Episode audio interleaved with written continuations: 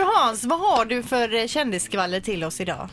Du, jag har lite roliga saker här. Eh, eller roliga och roliga, det är ju inte alltid det är roligt. Men i alla fall, jag börjar med Jan Johansen. Ja, se på Han hade mig. ju, han hade, ja, se på mig, Jan, ja. Han hade ju en lång, lång, lång relation med sin fru Pia och det är ju numera en exfru.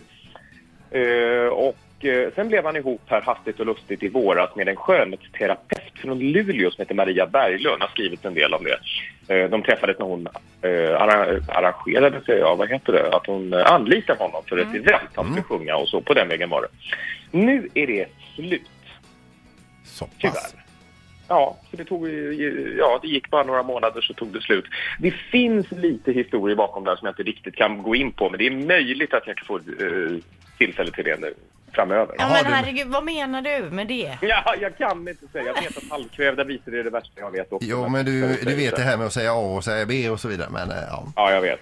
Jag vet. Okej, hemsk. men då väntar vi till det göttigaste då. Ja, Någon till, annan gång. eh, till det riktigt roliga kommer. Men det du inte kan säga är ganska snaskigt eller? Ja, det får jag. Det får... Det är bra Hans. Jag är ledsen. Är ledsen. Kom igen. Kör Ja. nästa. Eh, och tvåan, det det är inne på samma tema faktiskt, så att det är inte alls roligt eh, någonting utav det här kan jag säga.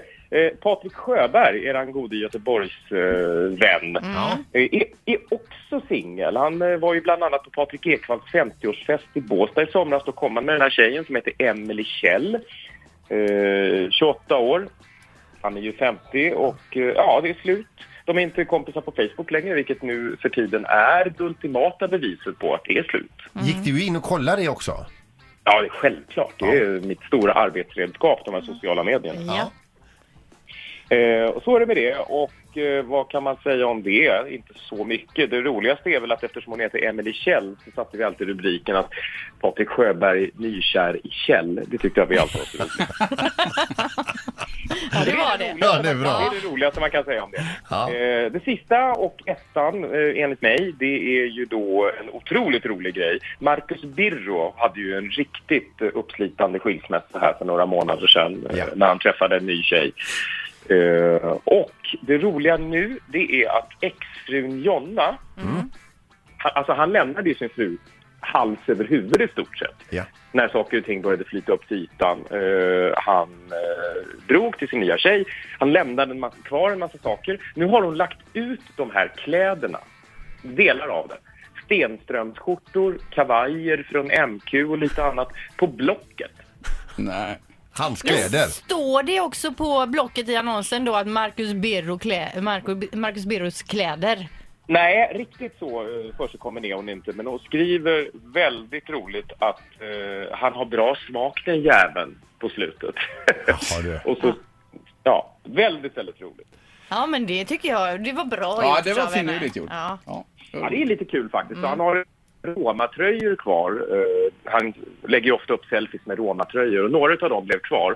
Och vi ringde till Marcus Birro igår och sa att du, eh, de här Roma-tröjorna du lämnade kvar, de är på väg ut på Blocket. Då blev han helt galen och skrek att det ska hon ge fan i. Så att eh, fortsättning följer. Det är möjligt att vi, jag får åter, möjlighet att återkomma till det här också. Han kan ju buda på dem själv.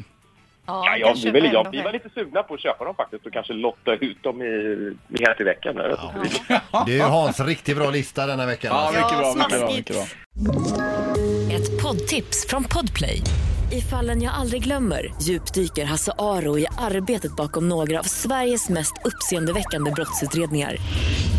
Går vi in med hemlig telefonavlyssning och, och då upplever vi att vi får en total förändring av hans beteende. Vad är det som händer nu? Vem är det som läcker? Och så säger han att jag är kriminell, jag har varit kriminell i hela mitt liv men att mörda ett barn, där går min gräns. Nya säsongen av Fallen jag aldrig glömmer på Podplay.